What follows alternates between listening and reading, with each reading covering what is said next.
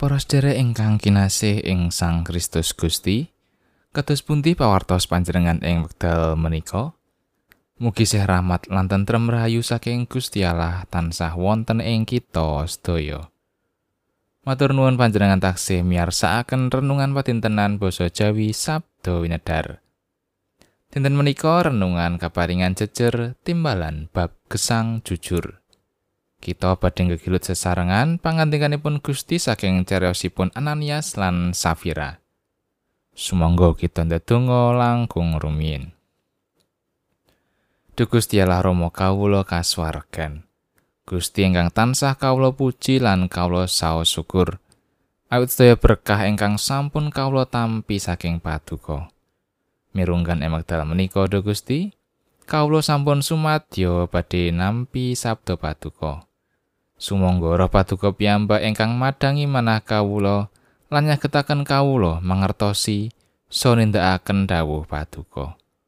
Kawula ngrumaosi minangka manungsa ingkang kebak ing dosa dereng saged nindakaken timbalan Paduka kanthi sampurno. Awit saking menika Gusti kawula nyuwun agunging pangaksami. Wonten ing asmanipun Gusti kawula Yesus Kristus juru wilujeng kawula ingkang gesang. Kawula ndedonga lan saos syukur. Amin. Wawasan kapendet saking lelakone para rasul bab gangsal ayat tunggal ngantos 11. Lelakone para rasul bab gangsal ayat tunggal ngantos 11. Ana wong liyane jenenge Ananias karo bojone aran Safira adol paleman.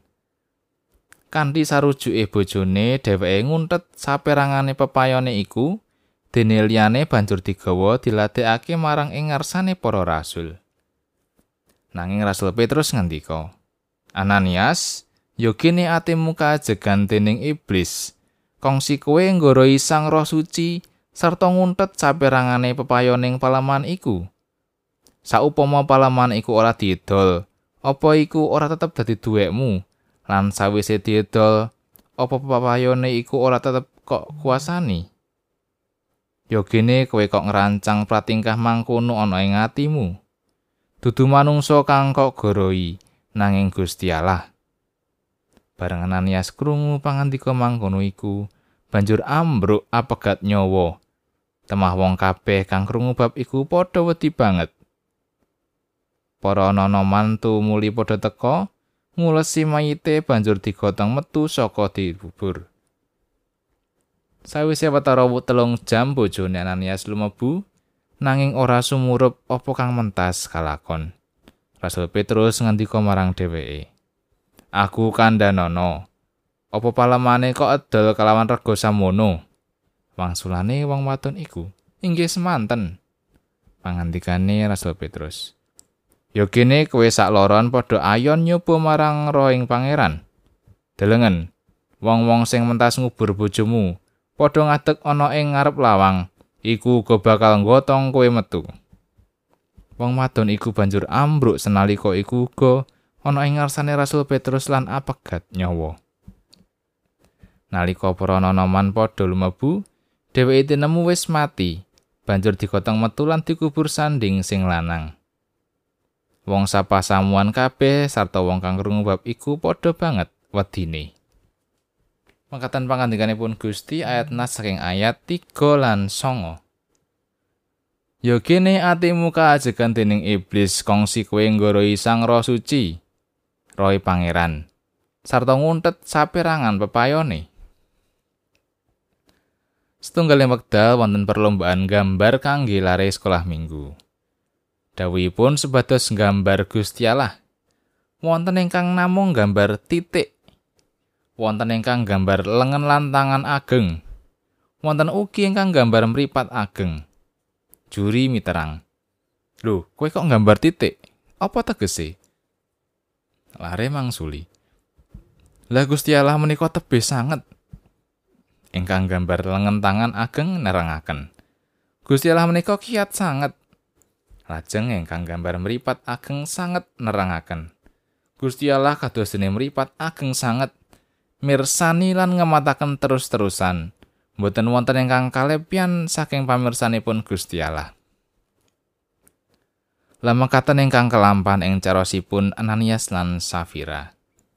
Tiang kekalih nyade pasiten kangge dipun pisungsungaken. Kanthi pasarujukan bilih mangke ingkang dipun pisungsungaken saperangan kemawon. Nalika kadangu dening rasul, menapa menika sampun sedaya pasengipun? Tiang kekalih sarujuk matur, inggih menika sedaya. Kamangka sedosipun namung saperangan jalaran wonten ingkang dipun untet. Mboten wonten tiang sanes ingkang mangertosi pratingkahipun kekalih wau.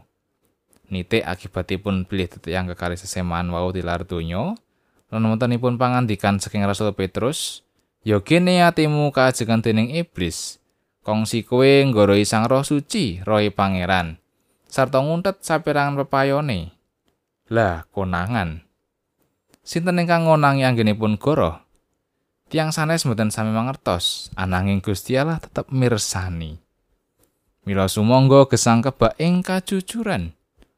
Gusti Allah pirsa kados pundi kemawon solah tingkah kita. Amin.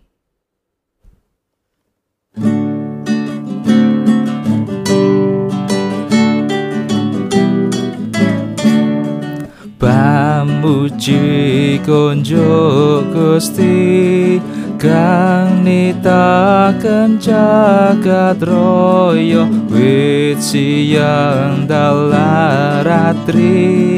dan selalu berseramatnya natyanto jagat sirno senyo langgeng slaminyo